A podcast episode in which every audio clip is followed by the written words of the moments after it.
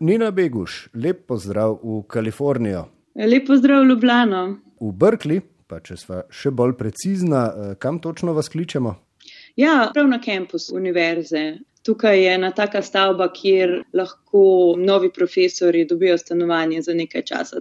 Ja, ja, z možem so vedno po kampusih. Je pa tako, da je on zdaj tukaj profesor, jaz pa v bistvu sem raziskovalka v Berkeleyovskem laboratoriju prek enega neakademskega inštituta, ki se mu reče Bergruen inštitut. Kakšno je življenje na kampusu?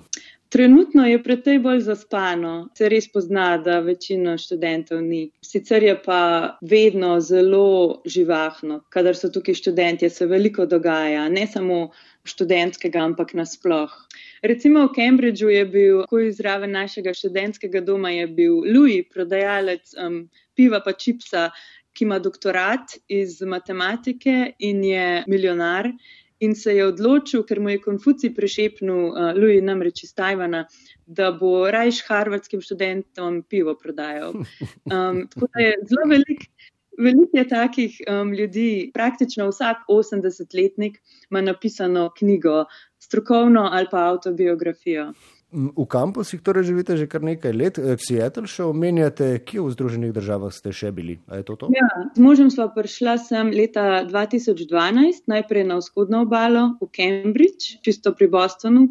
Tam smo bili šest let, potem dve leti v Seattlu, zdaj smo prišli pa v Berkeley. In kako bi opisali to svoje bivanje v Združenih državah, oziroma v katerih Združenih državah Amerike živite, ker teh je več, ne? pa ne mislim ja. na 50 zvezdnih, ampak bolj, da ima država res več obrazov, glede na to, kateremu ekonomskemu, pa tudi spolnemu in tako naprej, sploh pa rasnemu razredu eh, pripadaš. Imate tudi vi tak občutek? Ja, seveda, mi dva smo še vedno pač v tem intelektualnem akademskem mehurčku ki ga mislim, da ne bova nikoli zapustila, ker recimo, če živiš v ruralni Ameriki, je čist drug svet. Tako da nama pa še biti v teh majhnih univerzitetnih mestecih. Tudi zaradi službe, pa tudi tako rada živiva v takih mestih. Kako bi, če bi morali opisali Združene države, torej, a dežela san, priložnosti, razkošja ali bolj bede, izkoriščanja, ne vem, zatiranje?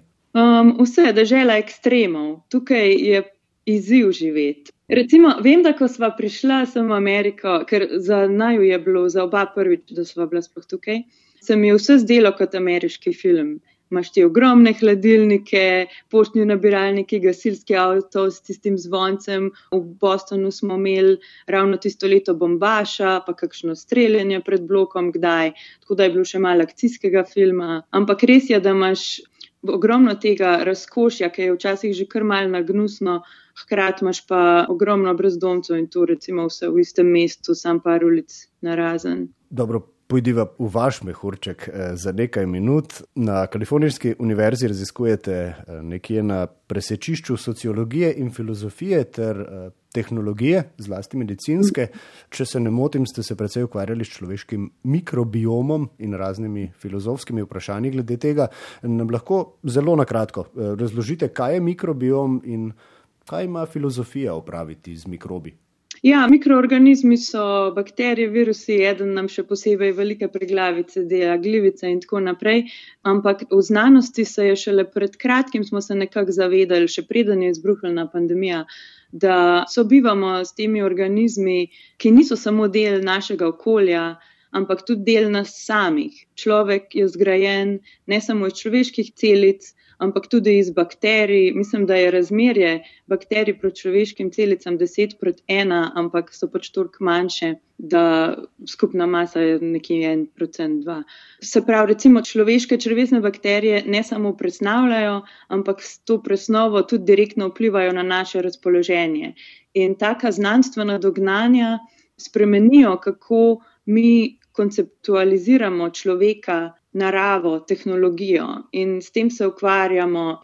Je pa tako, da je zanimivo, ker recimo tudi v literaturi imamo že recimo leta 1900 Marka Twaina, ki je napisal tako novelo o človeku, ki postane bakterija in potem gledamo na svet iz njegove perspektive oziroma iz perspektive ekoli. Tako da se da tudi z literaturo veliko pomagati. O tem, kako se je naš koncept človeka spremenil, glede na naša znanstvena dognanja. Naprimer? Kar se tehnologije tiče, je recimo biotehnologija še posebej zanimiva. Recimo CRISPR, tehnologija, ki je zdaj dobila Nobelovo nagrado, je v bistvu proces, ki so ga izumile bakterije, da se branijo pred virusi, ki jih napadajo. Mi smo pa začeli ta proces uporabljati kot tehnologijo v medicini, v agrikulturi in tako naprej. Mhm. Veliko etičnih dilem se pojavlja, če prav razumem, na tem področju, ker ga raziskujete. Če spregovoriva nekaj besed o novem zdravilu eh, za COVID-19, ki ga je prejel predsednik Združenih držav ob okužbi, ne, so razvili, čeprav posredno eh, s pomočjo matičnih celic. Po drugi strani, ne, administracija eh, nekdanjega predsednika blokira več raziskav na tem področju iz verskih razlogov. Kako je trenutno urejeno to področje no, v Združenih državah? Zdaj, tukaj je več vprašanj. Eno je biotehnološko vprašanje, ki v bistvu niti med strokovnjaki ni čisto jasno določeno, kaj je vir celic. Ali se temu sploh lahko še reče, da so to celice izpeljane iz zarodka, glede na to, da so 50 let živele v laboratoriju in se čisto predrugačile, dodali so jim stvari in tako naprej. Aha, to so pravzaprav prav, prav, prav, prav, prav vnukinje oziroma uh, ja. Ja, tistih matičnih ja. celic. Ja, jaz sem v bistvu ravno na Twitterju imela s tem novinarjem, ki je za eh, MIT Technology Review napisal ta članek. Sem imela debato, ker je najprej napisal, da so bile celice iz zarodka, potem je pa popravil naslov in je napisal celice izpeljane iz zarodka. Uh mhm. -huh. In so se še drugi ljudje, smo potem glasovali, kaj bi bilo bolj prav ali pa recimo kdo to določi in je bilo zelo razdeljeno, ni bilo nekega konsenza kako bi bilo to dobro poimenovati, sploh ko se gre za sporočanje znanosti javnosti. Ja, ampak je pomembno, ne, kako vi to imenujete, ker potem, ko dejansko prideš v politično sfero, kjer bodo vsakršni poskusi pojmovanja eh, tega obremenjeni tudi politično, je prepozno, verjetno. Ne? Ja, seveda, in s tem se jaz ukvarjam, kot nekdo, ki pač se ukvarja z retoriko ki pa še tudi književnosti z jezikom. V svoji akademski raziskovalni dejavnosti eh, res združujete mnogo disciplin, pa tudi jezikov, ste literarna komparativistka. V sklopu tega področja ste med drugim raziskovali vplive literature na naše predstave o novih tehnologijah, oziroma kako literatura sooblikuje načine upeljevanja novih tehnologij. Kakšna močna povedna ugotovitev, morda kakšen zanimiv primer? No, se pravi, vemo, da sta umetnost in znanost v dialogu. In prednost literature je, da je tak prvi javni prostor, po mojem mnenju, kjer se lahko ideje, ki so tako tehnološke, znanstvene kot filozofske, kjer te ideje in debate dobijo priznanje, obliko, odmev. In kar je zelo pomembno za socialne posledice, za etične posledice, dobijo prostor za refleksijo ogromno literarnih del se sprašuje, kaj se zgodi, če začnemo uporabljati robote kot osebne asistente ali pa recimo umetno inteligenco, kot imamo zdaj Siri na telefonu. Moje raziskovanje se osredotoča na umetno inteligenco, robotiko in biotehnologijo in v teh področjih, jaz trdim, se danes res zelo dobro vidi, kako se spreminja ta koncept človeka, ki smo ga prej omenjali, pa predvsem tehnologije in narave. Recimo, ena taka zanimiva stvar je, da ko inženirji gradijo, recimo Siri, ki smo jo prej omenila, so včasih kar sami jasno povedali, da jim je bil v navdih Star Trekov računalnik, film tudi igra veliko vlogo, pa Eliza Doolittle iz um, šovega Pygmaliona. Tako da s tem, kar trenutno izdelam na inštitutu, kjer sem dejansko del laboratorija, moji drugi kolegi so pa del recimo Google X pa Facebook AI, da lahko z našim delom vplivamo na to, kako se dejanska praksa tehnologije razvija, ker delamo z inženirji. Pogovarjamo se z raziskovalko na Univerzi Kalifornija, esejistko in materjo treh otrok, Nino Beguš, pa še kaj, ampak da ne naštevam vsega. Nina, kot verjetno ve cel svet, imate v Združenih državah novega predsednika, to je demokrat Joe Biden. Mhm. No, pa pojdiva lepo počasi do izvolitve. Začelo se je namreč že veliko prej. Ne? Kako ste vi doživljali? Več mesecev ali ne vem, je celo let kampanje tega ogromnega in če si prav predstavljam tudi v privatni vsakdan slehernika udirajočega cirkusa. Ja, to je res, to ste zelo dobro povedali, da je ta cirkus udrl v privatnost. Spomnim se, ko smo prišli z možem 2012 in sva rekla, wow, tukaj pa res ni tega, da imaš politiko vsak dan na krožniku med kosilom, da ti non-stop visi za vratom. Um, leta 2016, ko je potem Trump zmagal, kar je bilo za vse veliko presenečenje. Spomnim se tistega novembra, kakšna stiska. Mi smo takrat živela s harvardskimi študenti in sva odprla vrata, bil je večer in sta rekla: Pridite sem, če morate govoriti z nama veva, da ste v stiski, predvsem muslimanski študenti, ne dokumentirani študenti, so bili zelo prestrašeni, um, z razlogom seveda. In nasploh se je tisto leto že mentalno zdravje študentov zelo poslabšalo. Nasploh.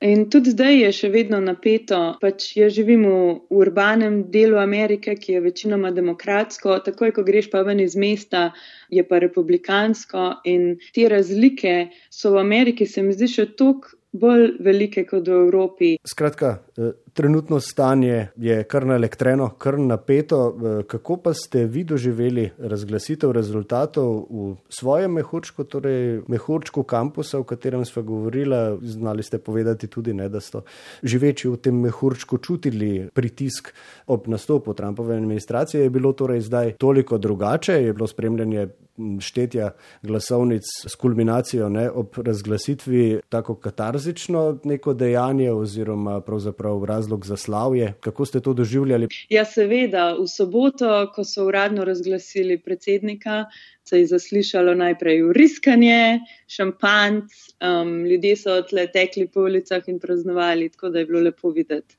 Se da primerjati z nastopom Obamovega mandata? Ja, čeprav jaz takrat nisem bila še v Ameriki, uh -huh. sem neg pod njegovim drugim mandatom, ampak se spomnim, ravno sem šla roditi tisti dan, ko je bila Malija Obama v naši hiši v tem študentskem domu, ker je bila um, tik pred tem, da se odloči, na kjer college bo šla.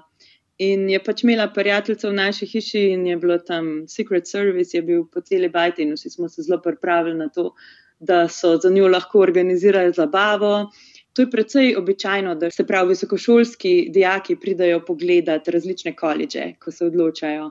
In um, velikrat tudi starši pridajo z njimi. In se spomnim, kako so bili profesori kar malo na trnih, so me sprašvali, a misliš, da bo prišel Barak na moj predavanje? Lušno je bilo vzneseno. Potem pa se spomnim en prijatelj dela na klimatskih spremembah. In ko je bil Trump izvoljen, je cel tisti projekt, ki so ga ustvarjali, ki bi bil pač del projekta v Beli hiši, so kar pustili in so rekli, da bomo počakali. Ja, no, saj izkazalo se je, da so verjetno naredili prav. Uh, še ena stvar, ki po Trumpovo sploh ni problem, ne, poleg podnebnih sprememb, je seveda COVID. Kako varno se vi počutite v Ameriki? Vemo, da je epidemija resen problem. Ja, moram reči, da se tukaj pri nas, se pravi v Sietlu, kjer smo bili prej, pa zdaj v Berkeleyju, se ljudje res zelo držijo pravil. Čisto vsi imajo maske, še klošari imajo maske, res ni človeka, da ga ne vidiš brez maske. Vrtec imamo, zato ker je tukaj tako dobro vreme, tako da so otroci cel dan zunaj. To je dobro poskrbljeno za stvari. No. Tako da glede COVID-a se počutimo res varno. So pa druge stvari, zaradi katerih se počutimo manj varno. Recimo, zdaj, ko smo prišli v Brkli, smo ugotovili, da je tle en del, kjer so tolpe. Velikrat vidiva na novicah, da so bile spet streljanja in pač vedno grem takoj pogledat, da ni kje preblizu vrca. Tako da to je pa kar malce težko. Vaši otroci že hodijo v šolo ali pa uh, spremenjajočim se razmeram v teh časih primerneje, um, so že šolo obvezni? Ne, niso. Ta najstarejši je ravno star zdaj pet let. Petletniki tukaj začnejo šolo, ampak on je šele oktobra bil star pet, tako da naslednje leto za njega. In kako ste preživeli tole epidemijo? Uh, za nas je bilo precej pestro. Že preden se je začela pandemija, sva mi dva veliko delala od doma. To leto smo se še posebej čuvali, ker sem bila jaz noseča in v pandemiji še sploh, ker imam tako rizično nosečnost in moram iti najmanj enkrat na teden za cel dan v bolnico. In pomladi se še ni veliko vedlo, takrat so bili še vsi brez mask. Tako da smo se takrat smo se res zelo čuvali um, zaradi dojenčka tudi in otroci so bili z nama doma sedem mesecev. Zadnje dva meseca smo se potem malo upogumili in je soseda imela genialno idejo, da smo si menjali otroke, smo mi dva vzela njene, pa ona najne. Tako da smo lahko mal delali, ker Jaz sem doktorirala, oba z možem smo začela novo službo, tako da je bilo kar pestro. Preselili smo se, ampak zdaj, ko smo prišli sem, so se odločila, da bo dala starejše dva v vrtec. In smo dobili nazaj vsaj malo normalnosti. Uh mhm. -huh. Doktorirali ste pred nekaj dnevi, ne? Ja, um, pač podelitev, taka uradna je bila pred nekaj dnevi, sicer pa je že par mesecev nazaj sem imela zagovor, pa oddajo, pa vse to. No, čestitke ob tej priliki. Ja. Boste torej eh, ostali v Združenih državah? Ja, um, mi dva si puščava odprte možnosti, ohranjava stike z domovino, ampak tam trenutno za naj v službi, tukaj imamo pa krasni karieri in tak edinstven, zanimiv prostor za delo. Sva pa recimo ravno jutri ima mož predavanje na ameriško-slovenski izobraževalni fundaciji ASEF, pa skupaj z Michaelom Bigginsom sta naredila tako izmenjavo med ameriškimi in slovenskimi profesori in študenti.